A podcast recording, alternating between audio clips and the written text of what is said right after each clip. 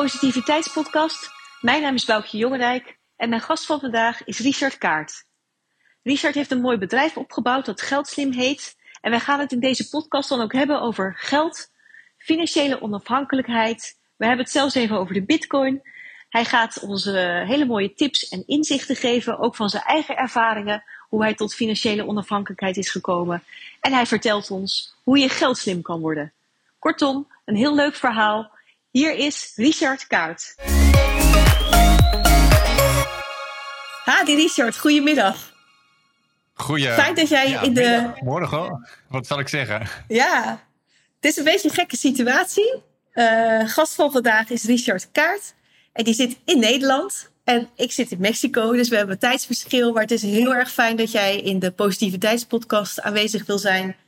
En uh, we gaan het vandaag over een onderwerp hebben waar we het in deze podcast nog nooit over hebben gehad. We gaan het over geld hebben en over financiën.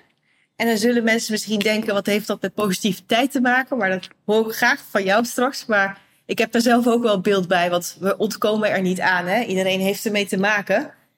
En een uh, ja, zekere vorm van middelen hebben maakt ook wel je leven uh, ja, wat prettiger. Dus ik ben heel erg blij dat jij ons een beetje kan meenemen in deze wonderwereld van financiën. Uh, op dit moment ook ja, veel ontwikkelingen in, in die wereld. Ik zou het heel leuk vinden. Jij bent van het mooie bedrijf Geldslim. Of je, als jij nog iets over jezelf wil vertellen voor de luisteraar die jou nog niet kent. Ja, dankjewel Boukje. En uh, nou, super bedankt dat ik bij jou in de show mag zijn. Dat is een hele eer in ieder geval. Dus dankjewel daarvoor. Ja, en ja, geld. Ja, daar gaan we het dus vandaag over hebben in deze, deze uitzending of, of aflevering. En ja, er is onwijs veel over te zeggen. En zeker in deze tijd waarin we leven, waarin er heel veel gebeurt. Um, veel dingen zijn er misschien wat niet, niet zo leuk, een beetje zaggerijnig. En ja, hoe kun je dan daar juist de positieve dingen uithalen? Dat, uh, dat lijkt me een leuke missie voor vandaag om dat te bereiken samen. Dat lijkt me en, heel mooi. Ja, um, want het, als ik dan zo om me heen kijk, en dat deed ik net eventjes zo naar buiten toe. Um, dan is er best wel een hoop gedoe om geld. En er is veel om te doen. Eigenlijk draait alles om geld. Mm -hmm. um, ik had laatst ook een, ja, een mail geschreven naar mensen die op mijn maillijst staan. Van, nou weet je, voor, voor 80% van de mensen is geld belangrijk. Voor 10% niet, want die hebben er misschien wat te veel van. En voor de andere 10% die hebben te, te weinig, die hebben het feitelijk misschien al opgegeven. En dat is natuurlijk helemaal uh, triest. Mm -hmm. Maar voor de rest is uh, voor die andere uh, mensen is, is geld gewoon echt belangrijk. En dat, dat zie je nu ja, is het nog relevanter dan, dan ooit, denk ik. Um, nou ja, het is jou en, en onze luisteraars denk ik ook niet ontgaan dat we te maken hebben met wat inflatie. Ja, en dat heeft gewoon invloed um, ja, op je ja, bestedingsgedrag en op je koopkracht. En um, nou ja, ik weet ook van, uh, van een aantal gesprekken met mijn klanten, die worden er niet altijd even vrolijk van. Maar als we dan leren van nou, hoe geld voor je zou kunnen gaan werken, dan, uh, ja, dan wordt het weer een stuk positiever in ieder geval. Ja, oh, misschien nog wel even goed. Van, wil jij nog iets vertellen over je, jezelf en je bedrijf, van, uh, waar je mensen ook ja. mee helpt? Ja, ja graag. Uh, dankjewel. En um, ja, mijn naam is dus Richard, Richard Kaart. Um, sinds 2019 ben ik formeel uh, en officieel financieel onafhankelijk. Dat betekent dat ik niet meer hoef te werken voor, voor geld. Ik doe dat nog wel. Um, en ik help mensen met mijn bedrijf Geldslim om, uh, om geldslim te worden. En om verstandige financiële keuzes te maken. Nou, misschien wel leuk om even als uh, zijpaadje uit te leggen. Ik begon met mijn bedrijf een aantal jaar geleden. Toen noemde ik het financiële intelligentie. Mijn website heette toen ook financiëleintelligentie.nl. Ja. Maar dat is natuurlijk veel te ingewikkeld. Weet je. Uh, wat is je mailadres? Nou, Richard, apenstaartje. en dan kwam het hele veel schrijffouten. En toen um, sprak ik een, een, marketingman en die, uh, die ging mij helpen met uh, ja, de branding als het ware van, van mijn bedrijf. En na vele gesprekken kwam eruit, ja, financiële intelligentie, die gooien we weg. Het wordt geldslim. En ja, dat vond ik echt een hele leuke naam. Het, het resoneerde, het paste en dus zo, zo is de naam Geldslim ontstaan. En de, de, nou, hoe noem je dat? Zo'n zo'n regeltje eronder, zo'n zinnetje eronder, een subtitel of zo. Ehm, dat is financiële zekerheid in eigen hand. Ja. En Want ik ben dus heel benieuwd, hè? even de aanleiding van dit kleine stuk verhaal. Eh je zegt eigenlijk een paar eh, triggers voor andere mensen, denk ik. Van je bent al heel snel financieel onafhankelijk geko- eh, geworden. Dus daar zijn we heel erg benieuwd naar hoe je dat hebt gedaan. Maar wat is eigenlijk geldslim? Wanneer Ja. ben je geldslim? Ehm, ja, dat is, dat is ook een hele goede vraag. En ehm, nou, daar kunnen we heel filosofisch over gaan doen en, eh, en eh, uitgebreid. Eh, maar in de basis denk ik dat wij niet zo goed weten hoe geld werkt. En ja, we weten dat we geld kunnen uitgeven. We Mhm. kunnen het sparen. ehm, we kunnen het investeren, misschien wel. Misschien doen sommige mensen dat ook wel. Eh, maar vooral dat. We kunnen het verdienen, we kunnen het uitgeven, we kunnen het sparen. Dat zijn eigenlijk de, de eh, basisdingetjes. En nou, ik ben opgegroeid in een werknemersgezin. Mijn ouders eh, die werkten. En nou, wat, wat leerde ik toen ik klein was? Ga naar school, krijg een diploma of haal een diploma. Ehm, misschien ook nog in iets wat je leuk vindt. Dat is helemaal meegenomen. Ehm, ga werken tot je 65ste. Nou, nu is het alweer wat, wat langer. Ehm, en ga dan genieten. Dat was eigenlijk het mantra. Daarna. Eh, wat ik... ja, daarna. Ja, Ja. precies. En eh, nou, dat heb ik ook gedaan. Hè, dus ik heb eh, netjes mijn diplomaatjes gehaald. En eh, nou ja, op mijn, weet ik veel, ergens in de twintig ben, ben ik begonnen met, met werken. Toen gestopt eigenlijk hè, met, met leren. Want zo, zo hoort het. Je hebt namelijk, namelijk een diploma. Hè, dus je mag gewoon gaan werken. En ehm, nou, toen flink geld gaan verdienen. En ehm, ehm, toen ook wat moeilijke periode tegengekomen. Misschien dat we er nog op, eh, op uitkomen. Ehm, maar uiteindelijk in, eh, ja, in 2019 dus met een aantal beslissingen die er vooraf zijn gegaan, eh, financieel onafhankelijk geworden. Nou, dat, Maar dat is wel heel interessant. Want... Ja, Ja. ik vind het ook wel heel interessant dat je ook zegt... het is moeilijker geweest. Hè? Want ik bedoel, het is altijd leuk als het allemaal vanzelf gaat. Maar het is denk ik heel leerzaam voor mensen... als het juist, eh, ja, als je een keer onderuit bent gegaan financieel. Of eh, wat kan je daar iets over zeggen? Van, je zegt eigenlijk van... eh, moeilijk, Ja. maar misschien is dat wel een goed, uit, ja, goed aanknopingspunt... om het nu even daarover te hebben. Van, van, Dat ja, denk ik wel. Hoe was jouw situatie? Ehm, nou, mijn situatie was, was als volgt. Ik was gewoon altijd werknemer, gelukkig. En ik deed Mhm. leuke dingen. Ehm, ik heb bij een, een buitenlands bedrijf gewerkt in, buiten Europa Mhm. en eh, in Turkije. Eh, vestiging in Turkije en wij maakten daar producten die we verkochten over de hele wereld. En ik was daar eh, ja, verkoopleider, hoe noem je dat? In ieder geval internationaal. Dus ik reisde me echt helemaal slag in de ronde. Ja. Eh, super tof, echt geweldig. Ehm, ik verdiende daar goed. Ik was inmiddels gescheiden. Laten we eens even zeggen, nou, voor de, de, de film Stop op 2008. Ik werkte daar al een aantal jaar. 2008 ben ik gescheiden. Mhm. Twee kinderen, twee eh, prachtige adoptiekinderen uit, eh, uit China. En, Oh, mooi. ehm, Ja. ja, ehm, en toen brak ook zo'n beetje de financiële crisis uit. Of de kredietcrisis. Eh, Zo, zo wordt die genoemd, maar in feite is het een schuldencrisis. Mhm. En ehm, we noemen een kredietcrisis, want dan begrijpen men- mensen, de meeste mensen niet wat het is. Mhm. Ehm 2009 ehm, werd mijn bedrijf, het bedrijf waar ik voor werkte in Turkije, werd overgenomen door een investeringsmaatschappij. Mhm. En ehm, wat er toen gebeurde was het volgende. Door die, het is, althans, ze gre- grepen in feite de schuldencrisis aan om, een aan om even de salarissen niet meer uit te betalen. Nou, dat kon blijkbaar in Turkije. Mhm. In Nederland zou dat volstrekt ondenkbaar zijn. Eh, maar ik had echt een, echt een hele mooie periode achter de rug bij het bedrijf. Zulke mooie dingen opgebouwd. Dus ik was ook wel loyaal. Loyaal Mhm. naar het bedrijf toe. eh, naar de vorige eigenaar die af en toe nog wel eens voorbij kwam eh, lopen. En, Mhm. nou ja, en- en naar mijn collega's die ook niet betaald werden. Nou, Mhm. er was een maandje was het oké, weet je, of vervelend. Ehm, maar ik moest alimentatie betalen. Ehm, Ja. Ik had ook een huis in Nederland met een hypotheek en alle lasten erbij. Jongen. En, en dat was best wel vervelend, want dit was niet één maand, maar het hield een aantal maanden. eh, zo ging, ging het zo door. Uiteindelijk acht maanden. Zo, dus je had alles tegelijk eigenlijk. Scheiding en dit en, en uh, ja, van... Uh, dus dat ja. was niet makkelijk. Nee. Mm -hmm. Nee, dat was, uh, dat is, nou, dat is zachtzinnig gezegd. het was gewoon kloten. ja, ja. Um, en onverwacht, denk ik. Van ook, ook die ja, dat, niet betalen ja. van je salaris. Ja. Mm -hmm. Precies. En, um, en, dat, en, en na acht maanden heb ik zelf de stekker eruit getrokken. Uh, ik gaf in feite de zekerheid van een baan op. En uh, nou ja, ook de zekerheid van geen inkomen gaf ik ook op. En dat ja. bracht me weer in een nieuwe onzekere fase. Van ja, wat dan? Uh, want ik had zo lang in het buitenland gewoond, gewerkt. Dat bete ook betekende dat ik geen aanspraak kan maken op Nederlandse ja, sociale voorzieningen. Dat was het dus, nee. is er dus voor mij niet. Nee, wat ik nog wel even interessant hier aan vind... Van vaak zien we de baan als zekerheid, hè? Van, uh, als financiële zekerheid voor inkomen.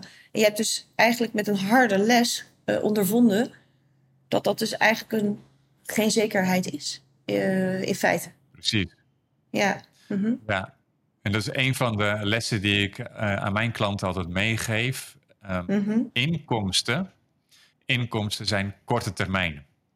Ja. Die kunnen bij wijze van spreken vandaag doorgeknipt worden en dan, uh, ja, dan heb je ze niet meer. In Nederland hebben we dat mm -hmm. nog redelijk goed geregeld met een uitkering. Maar ja. ja ben je zelfstandig ondernemer, uh, ZZP'er, freelancer of wat dan ook, um, dan kan dat dus zo ophouden, bij wijze van spreken. Mm -hmm. Maar je uh, schulden, je lasten, die gaan gewoon door. Die stoppen niet. Mm -hmm. Er is niet uh, uh, een hypotheekbank die erop zegt van... goh, wat vervelend jouw situatie. Nou, je hoeft de komende maanden ook geen hypotheek te betalen... of geen huur te betalen of geen gas, water, nee. elektra. En daar, ja. is, en daar ondervond ik dus heel hard de mismatch tussen inkomsten... waarvan we eigenlijk denken van nou, dat is heel zeker... Mm -hmm. en de uitgaven die, die, die zijn wel zeker. Die zijn wel zeker, ja. Tenzij je dus grote beslissingen neemt, hè, van uh, kleiner wonen, geen huis, uh, noem maar op. Maar in ieder geval dat, dat je uitgaven hebt, die, ja, daar ontkom je niet aan. Ja. Nee, nee, we moeten allemaal boodschappen doen of in ieder geval eten. En ja. Uh, nou ja, in Nederland is het ook wel handig als je een dak boven je hoofd mm -hmm. hebt. Nou, huur of hypotheek. Um, er zijn misschien ook mensen die een hypotheek hebben helemaal afgelost, afgelost hebben. Heel fijn. Mm -hmm. Maar goed, we hebben nou eenmaal uh, kosten, lasten noem ja. ik maar eventjes. Mm -hmm. Dus schulden, mm -hmm. lasten, lange termijn. Maar je inkomsten, ja, die zijn betrekkelijk. En daar ontstaat dus die, de mismatch. En, uh, en dat ondervond ik op een harde manier in 2009. Nou, toen ben ik, heb ik een echt een hele mooie baan weer gevonden. bij een beursgenoteerd bedrijf, Engels-Amerikaans bedrijf. Uh, met een hoofdvestiging in Londen. En, uh, en ik begon op 1 januari, of nou, volgens mij was het 4 januari uh, 2010. En eind januari kreeg ik mijn eerste salaris. Nou, Boukje, wat denk je dat ik daarmee ging doen? Nou, ik, ik, ik denk, ja, als je nu al jouw lessen leest, dan, dan zou ik zeggen, je gaat meteen het opzij zetten. Maar ik denk dat je toen ging uitgeven. Ik heb alles uitgegeven. Ja. Ik ben weer naar de bioscoop gegaan, naar een restaurant, weet je wel, dat soort ja. dingen. Uh, weer geen kleren gaan kopen. Ja. Want in die hele periode daarvoor heb ik dat niet gedaan. Niet? Heb ik echt van, nee, nee kon gewoon niet. Was gewoon niet mogelijk. Ik leefde echt uh, ja, van vrijwel niks. Want mm -hmm. ik had misschien wel iets aan de alimentatie kunnen doen, maar ja, ik was ook loyaal naar mijn ex-vrouw toe. En, en naar mijn kinderen -hmm. met name natuurlijk ook. Dus dat mm -hmm. bleef ik ook gewoon uh, doorbetalen. Nou, wat, wat, ik kwam tot de ontdekking dat um, ik had een buffer opgebouwd in al die jaren daarvoor. Die was nagenoeg weg. Uh, er stond nog ja, helemaal, twee of drie. Ja, die had je gewoon moeten gebruiken om al je uitgaven uh, ja, voor elkaar te krijgen. Ja. ja, ik had nog iets, denk ik, van 2.000 of 3.000 euro over op mijn spaarrekening. En dat was het. Mm -hmm. um, dan, um, ik had geen pensioen. Ik was 40 uh, op dat moment in 2010. Mm -hmm. um, dus voor de luisteraar kun je een beetje uitrekenen hoe oud Even rekenen. ja. uh, ik had geen pensioen. Ik werkte uh, ja, bij het buitenlandse bedrijf. Ja, die deden daar gewoon niks aan. Ik had wel een leuke woekerpolis. Althans, dat had ik wel ontdekt dat het een woekerpolis was. Um, mm -hmm. Dus er ging heel veel geld naar de verzekeraar en uiteindelijk niet zoveel geld naar mij toe. Um, dus geen pensioen, woekerpolis. En ik had in totaal 11 jaar voor het buitenlandse bedrijf gewerkt. Ja. Dat maakt ook dat ik elf jaar geen ehm, AOW zou gaan krijgen. Nou, dat betekent gewoon een simpele korting op je, op je AOW die ik ga krijgen. Nou heb ik mhm. daar niet zoveel vertrouwen in dat we die gaan, uh, gaan krijgen. Of dat ik, althans, dat ik die ga krijgen als ik met pensioen ga. Of uh, die leeftijd bereik, althans. Uh, maar toch. Dus die drie dingen. En, geen, en de spaarrekening was nul. En dan zat ik dan 40 jaar, pak een beet 20 jaar gewerkt. Ja, en, nou, ook ik, hard ik gewerkt, niks over. Ja, ja, ben ik me gaan verdiepen in aandelen. En, en ben ik vanaf 2010, toen had ik ik had echt wel een oké salaris hoor. Dus dat is wel, uh, dat mag wel gezegd worden bij dat buitenlands of dat um, beursgenoteerde bedrijf. En, uh, en elke maand ben ik toen um, ja, eigenlijk wat minder gaan uitgeven. Iets meer dan daarvoor, hè, die, al die acht maanden daarvoor. Maar mm -hmm. um, ik heb het vrij rustig gehouden. En heb ik elke maand ja, aandelen gekocht, indexfondsen. En bij, gewoon op de beurs, gewoon heel simpel. Elke maand hetzelfde, helemaal niet spannend. En, nee, en niet, niet, niet heel risicovol. Van, nee. nee. En had jij al daar verstand van of heb je je dat eigen gemaakt? Van... Nou, ik, deed, ik belegde daarvoor ook al een beetje. En dat deed ik met mhm. name in aandelen losse bedrijven. En dat was gewoon een, ja, een ramp eigenlijk. Dat was gewoon gokken. Nou, misschien dit bedrijf, misschien dat bedrijf. Ik had er gewoon geen verstand van. En toen dacht ik van ja, nu, nu moet het er wel moet het gewoon gaan gebeuren. Weet je, ik moet een pensioen op gaan bouwen. En, en ik had wel gelezen dat die indexfondsen of die aandelentrekkers um, veel stabieler zijn. Minder rendement geven misschien, maar op lange termijn wel het goed doen. Nou ja, en we zaten nog steeds in die periode van de schuldencrisis. En elke maand legde ik zo'n beetje ja, 1000, 1200 euro in. Dat is best wel veel geld, hè? Nog, nu nog steeds. Ja. Ja. Mhm. Maar elke maand zag ik wel dat het ja, minder werd, omdat de, alle koersen nog steeds naar beneden gingen. Dat was wel heel spannend. Maar ik had geen ja. alternatief. dat is inderdaad iets. Nee, maar dat is altijd wel interessant, hè? Want dan, dan kan je ook de schrik krijgen en dan denken: oh, daar gaan we weer, ik haal het er allemaal weer af. En, uh, en ja. volgens mij is daar ook tenminste, uh, ik heb er ook een beetje in verdiept, is ook wel de kunst om dan, als het spannend wordt, het aan te houden. Hè? Van, ja. uh, voor de lange termijn. Precies. Het vertrouwen te hebben dat het op lange termijn dus weer goed komt. Ja, en, en dat is misschien wel het allerlastigste van dit hele verhaal. Ja, dat denk ik nee, want ook. Als het goed gaat, dan kan iedereen dit. Mm -hmm. uh, maar als het niet goed gaat, dan is het uh, gewoon minder gemakkelijk. En, uh, en heb je gewoon te maken met al die stemmetjes in je hoofd die gaan meepraten en discussiëren van, nou, we moeten eruit. En nou, dat is best wel emotioneel zwaar is dat. En zeker omdat het niet met een tientje gaat, maar gewoon met flinke bedragen. En de hele omgeving tegen mij zegt van ja, je bent gek, dit moet je niet doen. ja, dus ik zat naar. Uh, ik had wel een aantal grafieken gezien van de SP 500 en andere grafieken. Um, en als ik dan terugkeek, dus met de achteruitkijkspiegel daarnaar keek, zag je een, een continu een lijn die wel bewoog maar wel naar boven toe ging. Dus dat was eigenlijk mijn enige houvast. Um, en, en, ik had niet zo heel veel vertrouwen meer in, uh, ja, in banken, financiële instellingen, naar de, al die woekerpolissen en dat soort gedoe. Plus, we zaten natuurlijk nog midden in de schuldencrisis. Dus ja, heel veel vertrouwen in andere dingen had ik niet. Dus ik had geen alternatief plan, geen plan B of zo. Dit moest het worden. Nee, en was misschien jouw opa ook een uh, inspirator?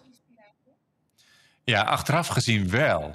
Toen had ik, zag ik dat nog niet zo goed.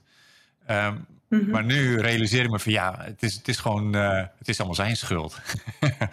maar door hem ben ik dit allemaal gaan, uh, gaan doen. En, uh, um, en hij leefde als geen ander. Want de meeste mensen hebben, ja, die, die kopen een huis of zo. En die hebben een auto. die, die hebben, weet ik wat allemaal voor spullen in huis staan. Nou, dat, dat deden zij dus niet. Eh, ondanks dat mijn uh, opa bankier was, uh, blijkbaar met een goed salaris, goed inkomen, kreeg mijn oma, ehm, dat was denk ik wel gebruikelijk in die tijd, maar dat weet ik niet helemaal, eh, elke week een, een klein ja, tasje met geld, denk ik, om de boodschappen van te doen. Dus het was heel gebudgeteerd allemaal, precies zoals ja, de bankier dat zou doen waarschijnlijk. En dat ben ik eigenlijk ook gaan doen. Um, maar ze hadden wel, uh, wat ik wel mooi vind aan, ze hadden wel vrijheid, hè? Van, ze hadden uh, vrijheid. Ja, dat vind ik een mooi ja. iets ervan. Van, uh, het klinkt misschien ja. beperkt en. en um... Ja, maar ik denk zelfs dat som, soms beperkingen ehm, ons heel, heel veel vrijheid geven. Ehm, en en dat, dat maakt het dan wel mooi. En wat ik de eerste paar jaar daarna ook heb gedaan, en dat is een beperking, maar gaf ook heel veel vrijheid, is dat ik kreeg natuurlijk vakantiegeld. 8% is gewoon een maandsalaris. En uh, nou ja, zoals gezegd, ik had best wel een oké salaris. En dat, ik ging niet op vakantie. Ik ben de eerste vier jaar dat ik bij dat bedrijf werkte niet op vakantie geweest. Maar dat geld wat ik dan als vakantiegeld kreeg, ja, dat ging rechtstreeks uh, naar de beurs toe. En, en nogmaals, we waren, zaten in een dalende periode.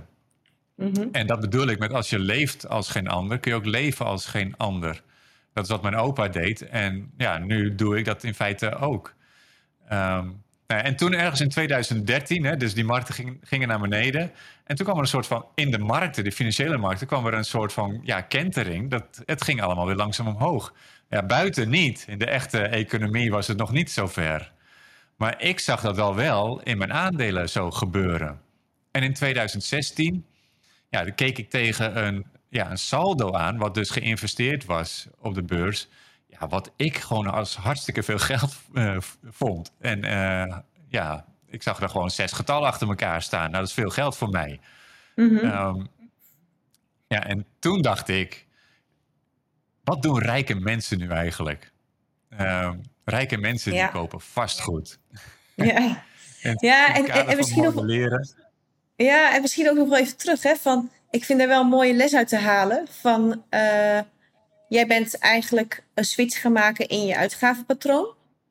Ja. Uh, ik heb, jij hebt een heel mooi e-book geschreven, Geldslim. Wat mensen ook gratis kunnen downloaden. Zullen we aan het eind van het gesprek nog eventjes uh, kijken waar je dat kan vinden.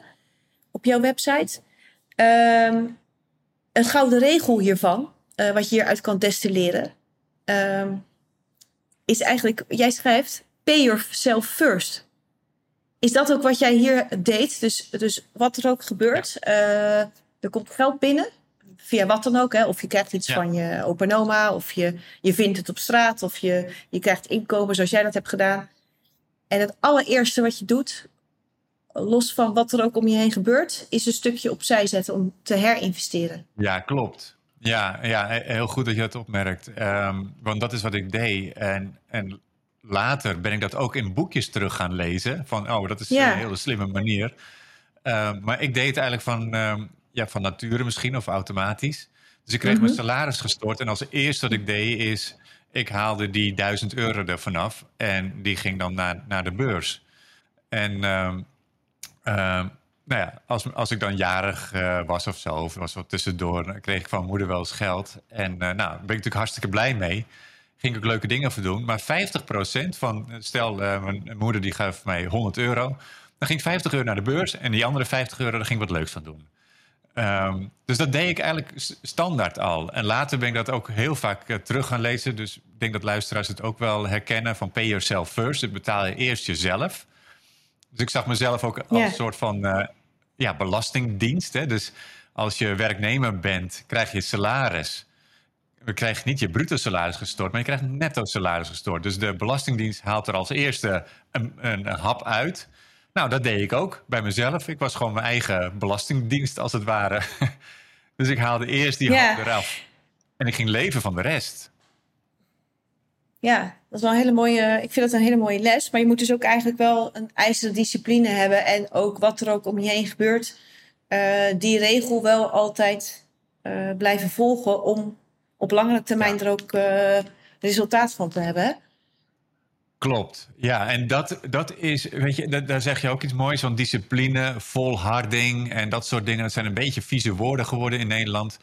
Maar die, die helpen je heel erg. Um, en ik gebruik heel vaak naar mijn klanten toe de metafoor van de sportschool. Ik ben sinds een uh, jaar of drie uh, lid van de sportschool. En uh, nou, dat weten we allemaal, zo'n abonnementje, dat, dat sluit je snel af. Maar elke week gaan of een paar keer per week gaan, dat is niet zo makkelijk. Um, En, en dat is met dit soort dingen ook. Het voornemen om dit te gaan doen is makkelijk. Maar om het maand in, maand uit te doen, jaar in, jaar uit, ja, dat is lastig. Ehm, en dus daar komen we continu tegen de, lopen we tegen dezelfde horde aan van, oh ja, ik moet dat gaan doen. Ik moet naar de sportschool. dus het abonnement afsluiten, inschrijven, dat is makkelijk. Is maar een eenmalige beslissing. Maar elke, elke, elke week of drie keer per week naar de sportschool gaan, dat vereist drie keer per week dan een beslissing. Drie keer een, eh, een keuzemoment. En ehm, wat dan slim is om te doen in het kader van pay yourself first, zo snel mogelijk dingen gaan automatiseren. Dus op het moment dat, nou, de meeste mensen weten wel ongeveer wanneer een salaris gestort wordt, um, zorg dat de automatische overboeking plaatsvindt. Dan hoef je daar niet meer over na te denken. Hoef je die emotionele beslissing niet meer te nemen. Dan is dat al gebeurd. En dan is het hoogstens nog van: oké, waar ga ik in investeren? En zo, schakel, zo verlaag je wat drempels. Dan maak je het jezelf makkelijker. Ja, en ehm, even kijken, waar ik dan even zit na te denken van... we hebben het nu eigenlijk wel ook over een situatie dat er überhaupt uh, geld binnenkomt, hè? Uh, waar ik dan altijd over, een beetje over zit te piekeren. We zitten nu in een tijd van uh, ja, hele heftige inflatie, stijgende prijzen. Veel mensen ook al in de problemen. Ook los van dit hele fenomeen wat er buiten gebeurt. Zijn er natuurlijk altijd mensen die ja, het heel moeilijk hebben. Heb jij voor hen ook een tip? Want kijk, als er bijna niks binnenkomt en jij hebt nou nauwelijks geld om je boodschappen te doen ehm, zijn er dan nog dingen die je kan doen? Want uh, dit is natuurlijk de situatie dat er inderdaad een mandje met geld is. En dan haal je een stukje eruit. En, en nou ja, dat is wel heel erg goed om te weten voor mensen, denk ik. Uh, dat je je beseft dat dat door die discipline op te brengen, dat dat gewoon op de termijn je gewoon heel erg gaat helpen in, in je verdere leven. Dat het ook gewoon gaat groeien. Hè? Maar heb jij nog, ja, wat, wat kan je doen als er gewoon al heel weinig is? Of is dat... Ja, uh, dat, ja. dat, is, dat is natuurlijk niet zo gemakkelijk om die uh, heel in het algemeen te beantwoorden. Maar um, wat, wat ik wel zou kunnen zeggen is, neem elke uitgave onder de loep. Mm -hmm. um, en, en bekijk die kritisch. We zien ons uh, om ons heen dat we nu doodgegooid worden met allerlei abonnementjes. En uh, heel veel mensen hebben ook uh, verschillende abonnementen. En ja, bekijk die gewoon serieus. Is dit, is dit het abonnement wat ik echt nodig heb? Um, en, en ja, over, heroverweeg dat, wij van spreken. He, dus als je echt kijkt van nou waar, waar mensen nu tegenaan lopen, is dat ze wel allemaal een, uh, een Netflix-abonnement hebben of wat voor abonnementjes dan ook daarbij. Um, ja, noodzakelijk. Is dat noodzakelijk? Moet dat ook echt? Ja, dat, dat kun je dan. Uh, ik denk dat, dat, dat we daar allemaal eens een keer uh, ja, goed over na moeten denken. En dat is niet altijd makkelijk. Dat zijn een beetje de zagrijnige dingen waar we dan over na moeten denken. Maar het is wel nee, uh, soms handig om die te heroverwegen. Ja, dat is een beetje het, uh, het verhaal van de sportschool. Hè? En uh, jij had ook een mooi gesprek met Tibor, had ik bekeken. En hij zegt ook altijd korte termijn pijn, lange termijn fijn. ik denk, denk dat dat met dit, dit verhaal ja, toch een hele belangrijke is. Jij zei net ook allerlei van die termen van... ja, je moet toch ook volharding en doe maar op... Uh, in, jouw boeken lees, in jouw boek lees ik ook dat de mindset heel belangrijk is. Uh, ja. Hoe zie je dat? Dus eigenlijk hoe je ja, er tegenaan kijkt. Ja, dat is echt het fundament uh, van dit alles. En vaak als we naar investeren kijken, dan zijn we toch met name geïnteresseerd in van oké, okay, waar moet ik dan aan, in gaan investeren? En welk fonds, welk aandeel, welk crypto muntje moeten we dan gaan kopen? Mm -hmm. um, maar het begint, begint echt van binnen. Uh, kijk, je geldgedrag is een voortvloeisel van je geld mindset of je, je ja, in het Engels hoor je dat vaak terugkomen, money mindset, dat allitereert mm -hmm. lekker. Mm -hmm. Maar dat, dat is wel onwijs belangrijk. Welke overtuigingen hebben we over geld? Wat heb je van huis uit meegekregen? Mm -hmm. En um, wat vind je belangrijk? Hè? Wat zijn je waardes daarover? Um, Kijk, mijn moeder die zei vroeger altijd, ja, uh, dan wilde ik weer iets, iets hebben of zo, weet je wel. En dan riep mijn moeder altijd van, ja, geld groeit niet op mijn rug hoor. Ja, dat zijn de, van die uitspraken die, uh, die, je van, die ik van thuis heb meegekregen. Die dan ergens ja, als een zaadje geplant worden en die tot een ja, ontwikkeling komen. En die neem je dan mee. En dat, dat beïnvloedt je gedrag. Dus eh, al die overtuigingen allemaal bij elkaar opgeteld, ja, dat zorgt voor wat uh, ja, uiteindelijk je resultaat. Dus dat is wel heel ja, belangrijk. ja, vind ik heel leuk wat je nu aanstipt. Want het is natuurlijk inderdaad, uh, hoe heb je dat van huis uit meegekregen? En wat, in wat voor omgeving ben je? Wij hadden het samen even over, dat is een bestseller, uh, het boek Rich Dad Poor Dad van Robert Kiyosaki. Dat vind ik een heel erg leuk boek, ja, voor wie het niet kent. Dat is een jongen, uh, die heeft dan over twee vaders. Maar hij heeft één eigen vader. Dat, is, dat noemt hij zijn poor dad. En die andere is eigenlijk de vader van een vriend. Die noemt hij rich dad. En van beide heren krijgt hij dus lessen. En, en uh, dat, het mooie daaraan vind ik... Er zijn ook kinderen, er is ook jeugd die naar deze podcast luistert... dat het eigenlijk... Dit hele verhaal begint al uh, eigenlijk zodra je een keer je eerste centje krijgt voor je zakgeld of, of van, van iemand voor je rapport, ik zeg maar iets. Dat dat eigenlijk ook al, die mindset, eh, hoe je daar tegenaan kijkt, dat dat al heel vroeg begint. Ja. Ehm, jij kent het boek ook, hè? Van de, het zal voor jou ook, uh, ja.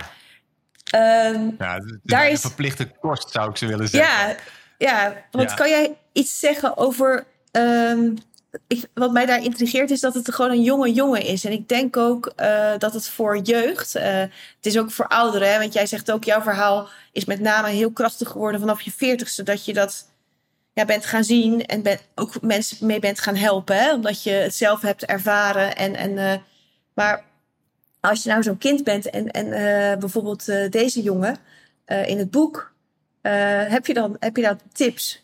Mag ook aan het verlengde van de lessen uit dat boek. Want ik vind, dat, uh, ik vind die mindset gewoon heel belangrijk. Ik denk dat dat uh, ja, voor elke leeftijd heel relevant kan zijn.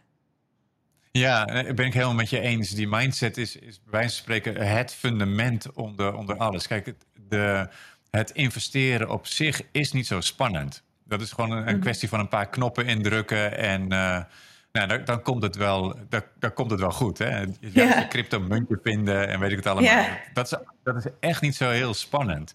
Het zit er met name aan, aan de binnenkant. Wat gebeurt er daar? Zelf ben ik uh, eh, eh, NLP-trainer en uh, ik heb veel NLP-trainingen gegeven. Dat gaat dus met name over de mindset, neurolinguistisch programmeren. Ja. Um, ik heb ook hypnose-trainingen gegeven, dus nou ja, kijk maar uit. Leuk.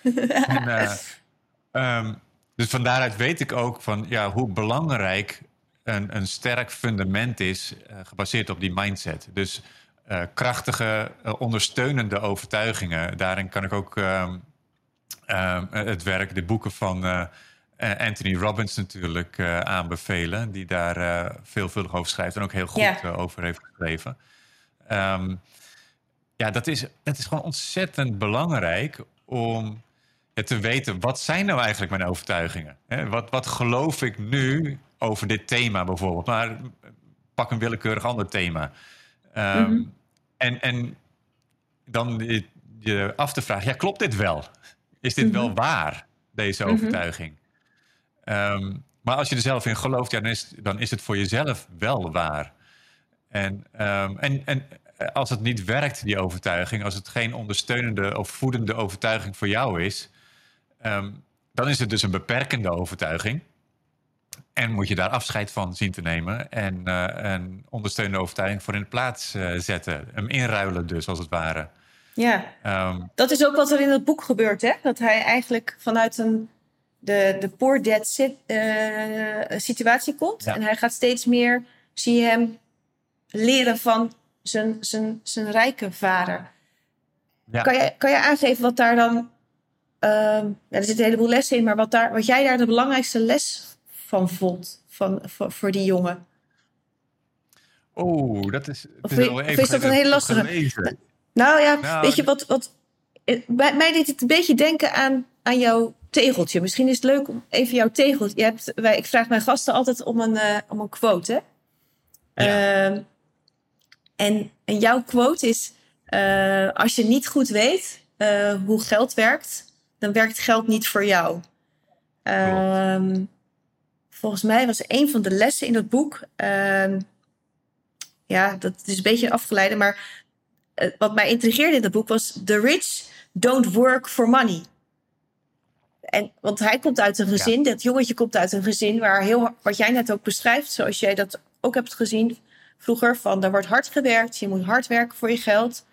Maar eigenlijk vond ik die les uit dat boek een beetje op je tegeltje lijken van, um, hij ziet op een gegeven moment dat geld ook voor jou kan werken als je het snapt. En dat is eigenlijk ja. wat ik ook best wel van jou nu uh, leer. Ik, ik, ken je nog niet lang, ik heb je boek gelezen, maar dan denk ik, ja, dat heel mooi opgeschreven in stappen, waar, wanneer het ook voor uh, hoe je dat zelf kan aanpakken.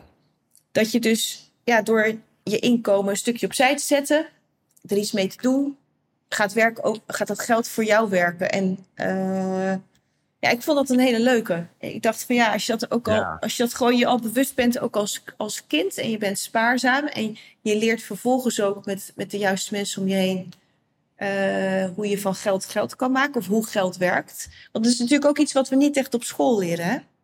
Nee, absoluut niet. Nee, daar krijgen we niks van mee. We krijgen wel wat economielessen, maar uh, hoe geld echt werkt, dat, dat leer je eigenlijk nergens. Dan moet je inderdaad dat soort, dit soort boeken lezen. En, uh, uh, en dat, was, dat is ook het mooie van die, nou ja, die, ik zeg het maar, ontwikkelingsreis die ik heb doorgemaakt van 2010 tot 2016. Want ik zag ook, ja, die bedrijven waar ik in investeerde, of al die, die indexfondsen, die betaalden, uh, die maakten winst. En een deel van die winst, die betaalden ze uit aan mij. Ja. En dat is toch fantastisch. Ja. Dus, eh, ik had geld geïnvesteerd. En uh, nou, het, het, die bedrijven die doen het goed. Dus die, die bedrijven worden meer waard. Dus die aandelen uh, bij elkaar opgeteld, die werden uh, stegen in prijs. En ik kreeg nog eens geld toe. Ja. Gewoon cash op de bank. En met dat cash wat ze dus op mijn rekening stortten, kocht ik weer nieuwe aandelen. Nou, en dat is, dat is ook wat er in het boek heel goed beschreven wordt door Robert Kiyosaki. Um, het is een heel mooi, mooi verhaal wat hij eromheen heeft gemaakt. Het mm -hmm. oorspronkelijke verhaal is niet eens van hem, maar hij heeft er een mooi marketing sausje overheen gedaan. um, ja, maar dat is wat hij doet. Dus hij koopt bezittingen. Dat is een heel belangrijk principe. Hij koopt bezittingen die geld opleveren. Ja, dus aandelen, uh, hij zat met name natuurlijk in vastgoed. Um, mm -hmm. Ja, en dat uh, aandelen, dat levert winst op, dividend op. En vastgoed levert huurinkomsten op. En eh, dat is natuurlijk iets, iets magisch. Op het moment dat je dus iets gekocht hebt, wat één in potentie meer waard kan worden. En twee, wat geld kan opleveren. Nou, en als je dat geld dan niet uitgeeft, maar weer nieuwe bezittingen van koopt, dus nieuwe aandelen of misschien wel vastgoed weer bij gaat kopen, ja, dan heb je ja, je machientje aan de praat gekregen. Dan weet je dus hoe geld werkt en werkt het dus voor jou. Ja. Um, ja, dat is heel mooi. En, en uh, dan hebben we het hier uh, misschien nog wel even goed van. Uh, met name laat die vader ook zien, die, die rijke vader in het boek. Dat, je, dat, dat werken is zeg maar dat je actief inkomen hebt. Hè? Of dat je dus er echt, nou ja, s ochtends naar een, een werkgever moet gaan. Of, of in je eigen bedrijf. En waar we het nu over hebben, dat jij dat geld voor je laat werken. Is dat dan het passieve? Dus, dus dat je daar. Ja uh, kijk, daar moet je ook wel iets voor doen. En dan moet je natuurlijk ook wel veel kennis ook over opdoen. Want je moet niet zomaar iets gaan doen. Maar dat, dat is denk ik uh, ook wel goed om toch te zeggen. Hè? Dat, dat, dat, dat ja. het juist zo interessant is dat je daar niet uh, per se de deur voor uit hoeft. Of, of dat het dus ook op een andere manier kan. Ja, klopt. Um, kijk, er wordt heel veel gezegd en geschreven over passief inkomen, hoe fantastisch dat is. En mm -hmm. Uh, nou ja, op, uh, op Instagram en Facebook zie je allemaal mooie, uh, mooie fotootjes van mensen die in hangmatten liggen en, en vertellen hoe geweldig dat is met passief inkomen. Maar het begint inderdaad precies wat je zegt. Ja, je moet eerst actief werken of iets doen wat geld oplevert voordat je het pas passief kunt, kunt maken. Um, en dat is een stap die vaak niet benoemd wordt. Want dat is, dat is minder aantrekkelijk. Ja, ja, ja. Die hangmat is heel aantrekkelijk, ja. Die hangmat is echt nee. bijzonder aantrekkelijk, ja. En zeker voor jonge mensen um, zijn er nu zoveel kansen. Uh, en, en zij hebben tijd voor hen liggen. Kijk, ik moest als een razende aan de slag. Dat vond ik althans toen ik 40 uh, was. want ik had nog maar 25 jaar, bij wijze van spreken, ja. voor me liggen. Maar ja, als je nu 20 bent of, of nog jonger misschien wel. ehm, dan heb je gewoon flink wat tijd voor je. En hoef je niet als een idioot zoals ik dat deed. Uh, met 1000 euro per maand en je, je, je kosten onder controle. Ik zou het je wel aanraden om je kosten onder controle te houden. Ja. Um, maar um, dat is wel een heel ander vertrekpunt. Ik begon ja, wat, bij wijze van spreken dat, met een achterstand. Ja, want dat vind ik het leuke. Jij schrijft ook van uh, dat er een achtste wereldwonder is. ja, nou ja, heb ik ook maar geen nou ja. boukje. Dat nee, maar, mij. nee, maar wil je dat uitleggen? Want ik denk dat dat hier op ja. deze context ook slaat. En ik denk dat dat inderdaad... Uh, het is nooit te laat uh, om te beginnen. Hè? Want dat, dat is, lees ik ook uh, in, jou, in, ja. jou, in jouw dingen die je doet.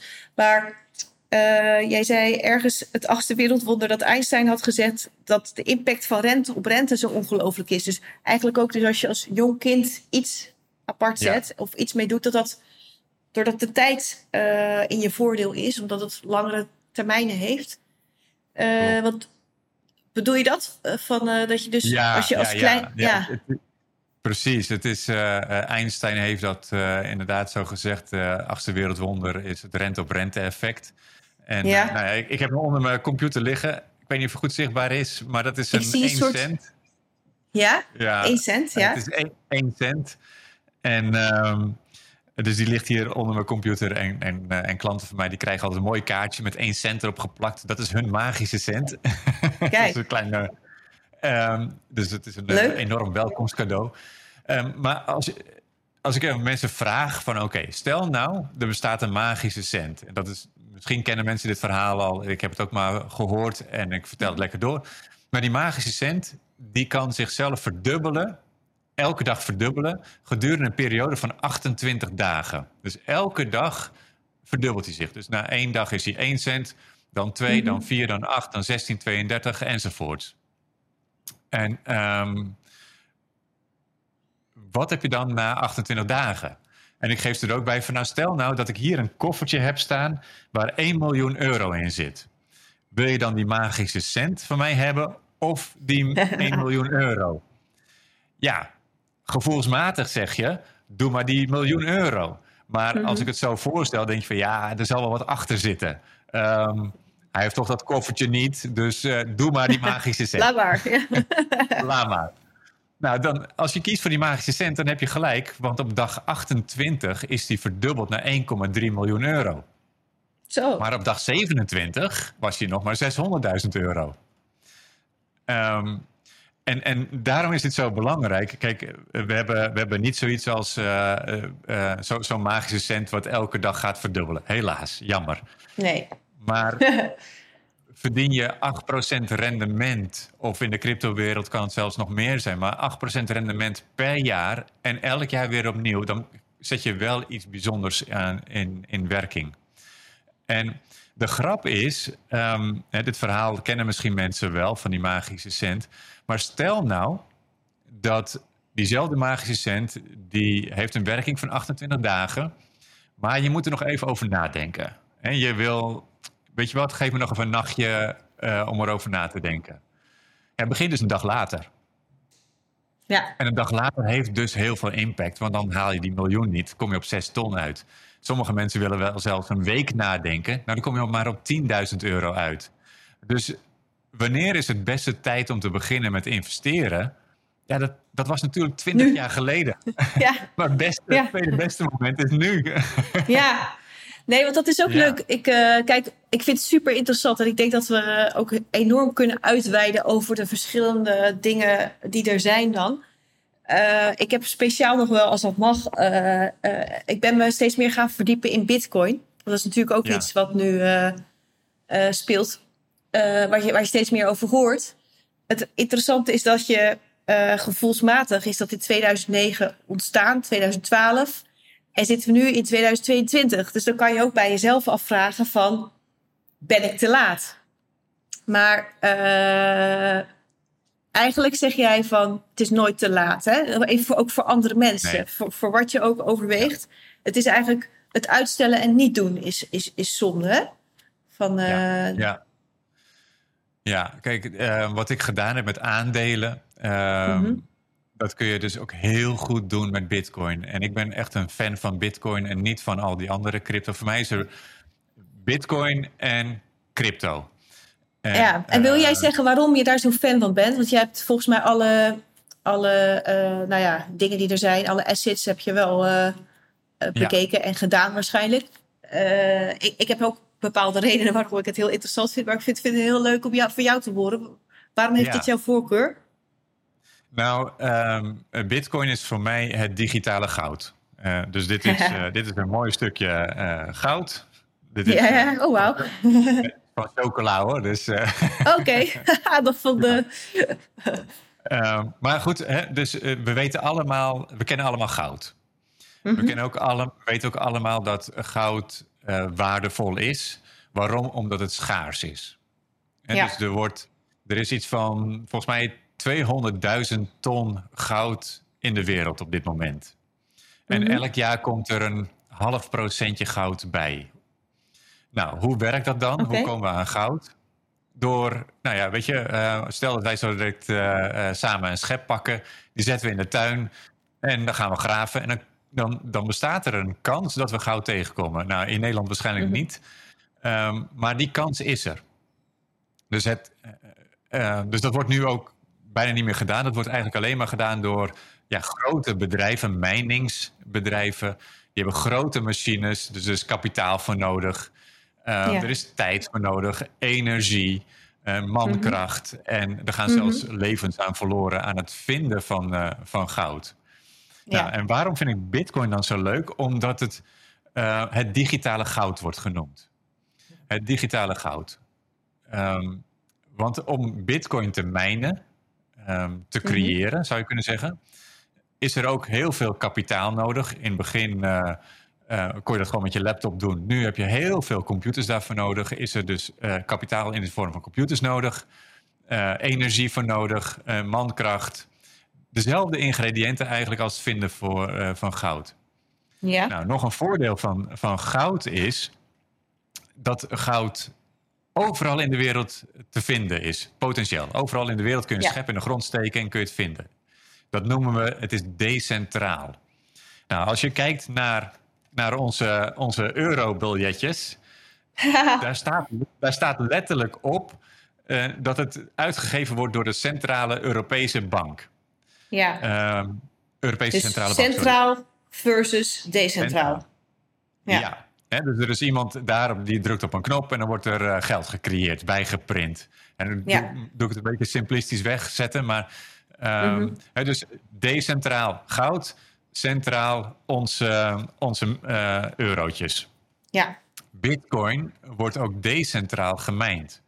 Over ja. de hele wereld kun je computers aanzetten en kun je, dat, uh, kun je Bitcoin gaan mijnen. Het is niet zo gemakkelijk meer, maar bij wijze van spreken er is ook niemand de baas van, van goud. Goud is wel een politiek ding. Nee.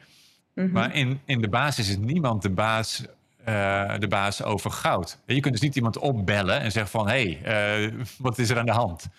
Nou, ja. dat is vind ik ook een enorm voordeel van Bitcoin. Bitcoin is gestart...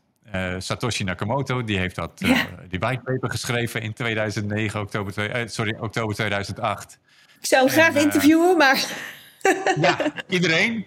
Maar hij is weg. Hij is weg, ja. En, um, we kunnen dus niemand bellen. Nee. we, we, kunnen dus niemand uh, tegen, tegen niemand zeggen van... goh, laten we eens wat meer bitcoins gaan maken. Laten we het verder bijdrukken. Uh, we gaan het monetaire beleid van bitcoin uh, veranderen. Um, nee, dat kan dus niet. Niet meer. nou, nee. dat is super tof. Er is dus niemand de baas over bitcoin. We kunnen het monetaire beleid nagenoeg niet veranderen. Maar het is ook. Ja, en is het ook gelimiteerd? Toch? Ja. Tot een bepaald aantal? Ja, dus, ja, mm -hmm. dus zoals ik pak nu even bij goud uh, schaars ja. is en een oplage ja. kent van een half procent per jaar, uh, worden er maar 21 miljoen bitcoins uh, gemaakt. En we zijn afgelopen weekend zijn we over de 19 miljoen gegaan. Ja. Dus er komen nog 2 miljoen bij.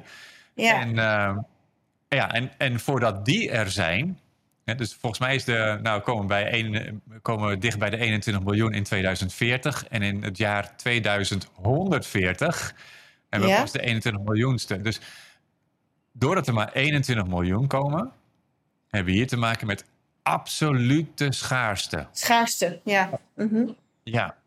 Dus eigenlijk twee voordelen. Het is, het is decentraal en het is schaars. Het is, het is, uh... En niemand is de baas. Niemand ja, is het is autonoom. Ja, ja precies. Precies.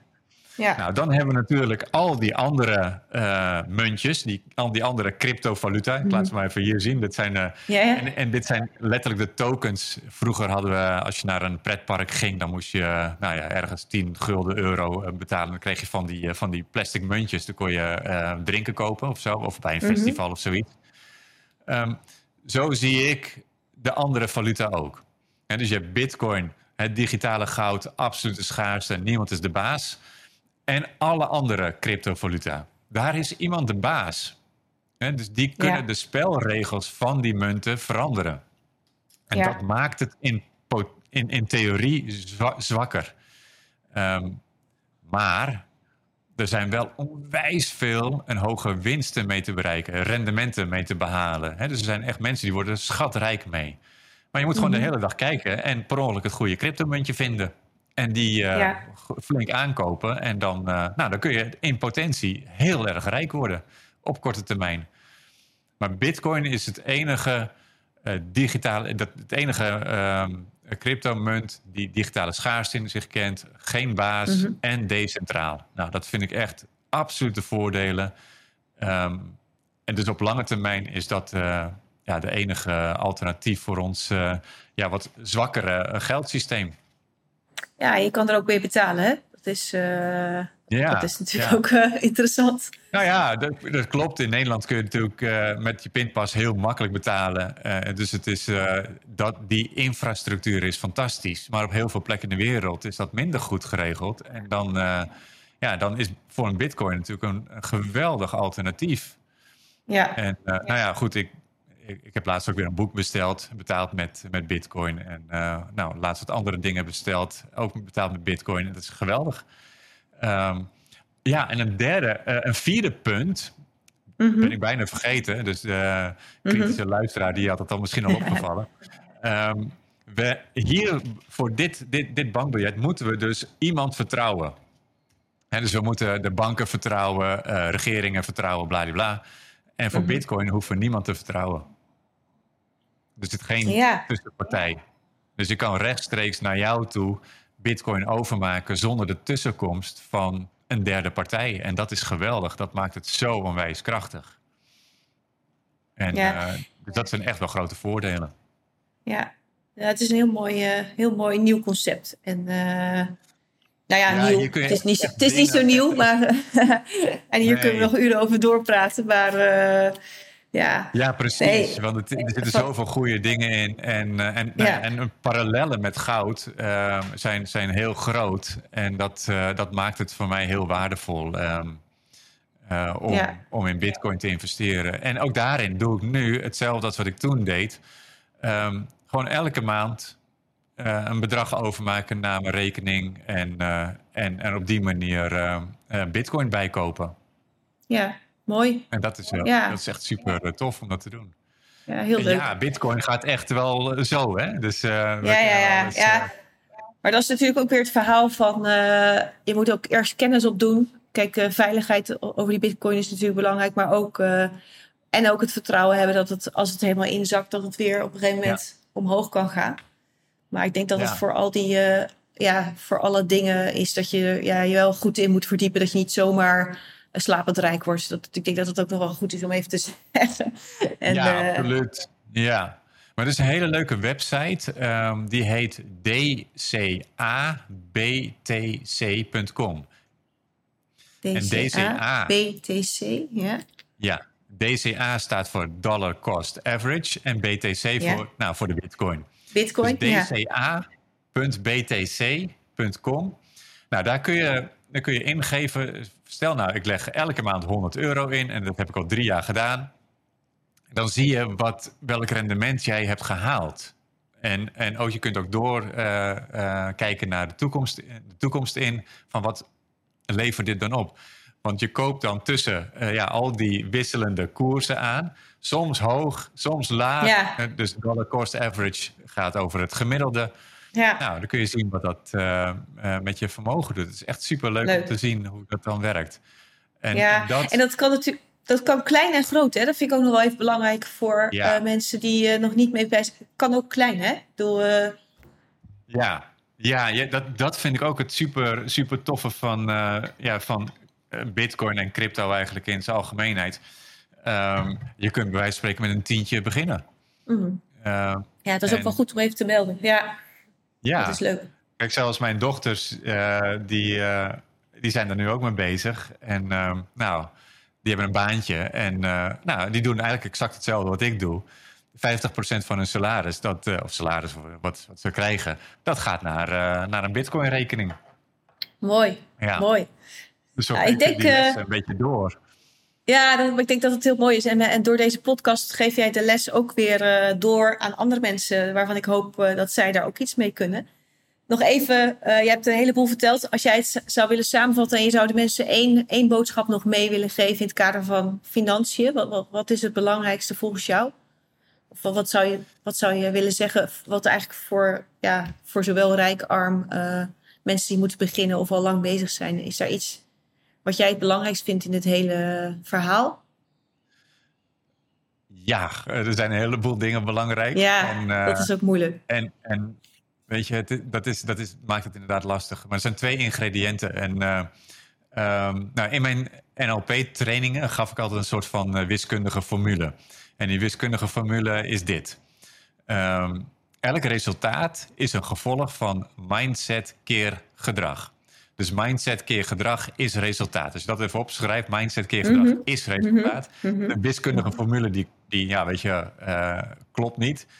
Maar als je kijkt van oké, ik moet dus goede gedachten hebben, een goede mindset hebben. En ik ga daarbij de goede dingen doen. Ja, dan kunnen de resultaten wel heel mooi zijn. Die, die staat ook in het e-book eh, volgens mij Oh, mooi. eh, genoemd. Mooi. Ja. Dus met een fantastische mindset, met eh, geweldige ondersteunende overtuigingen. Maar ik doe niks. Ja, dan heb ik dus ook nul resultaat. Daarom het keerteken. Ja, ja, Maar ik goed. ga Ja. alles experimenteren, maar mijn mindset is ehm, ja, niet Niks. zo best. Nee. Niks. Dan heb ik ook niet zo goed resultaat. Maar een goede mindset met de, met de juiste acties. Dus eh, zorg dat je ja, je inkomen laat stijgen eh, als dat kan.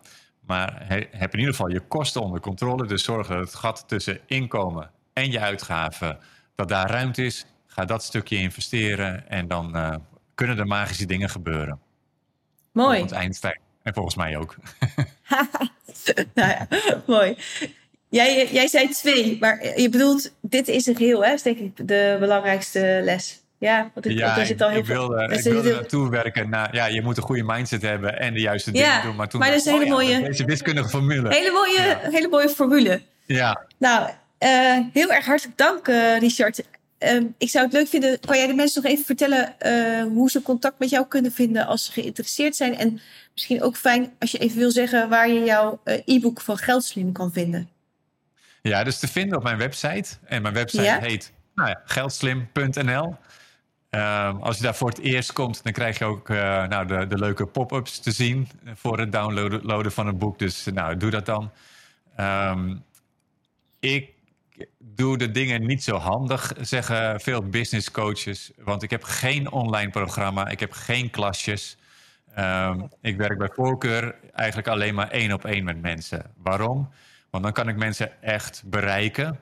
En ze ook echt bij hun financiële situatie helpen. In plaats van dat ik een algemeen verhaal eh, vertel over, nou, je kan dit doen en je kan dat doen. Nee, ik ga dus inzoomen op wat is jouw persoonlijke situatie Specifieke. specifiek, ja, bij de leeftijd. Ik heb mensen die zijn 20, eh, zijn klant bij mij. Ik heb mensen die zijn 50, die zijn klant bij mij.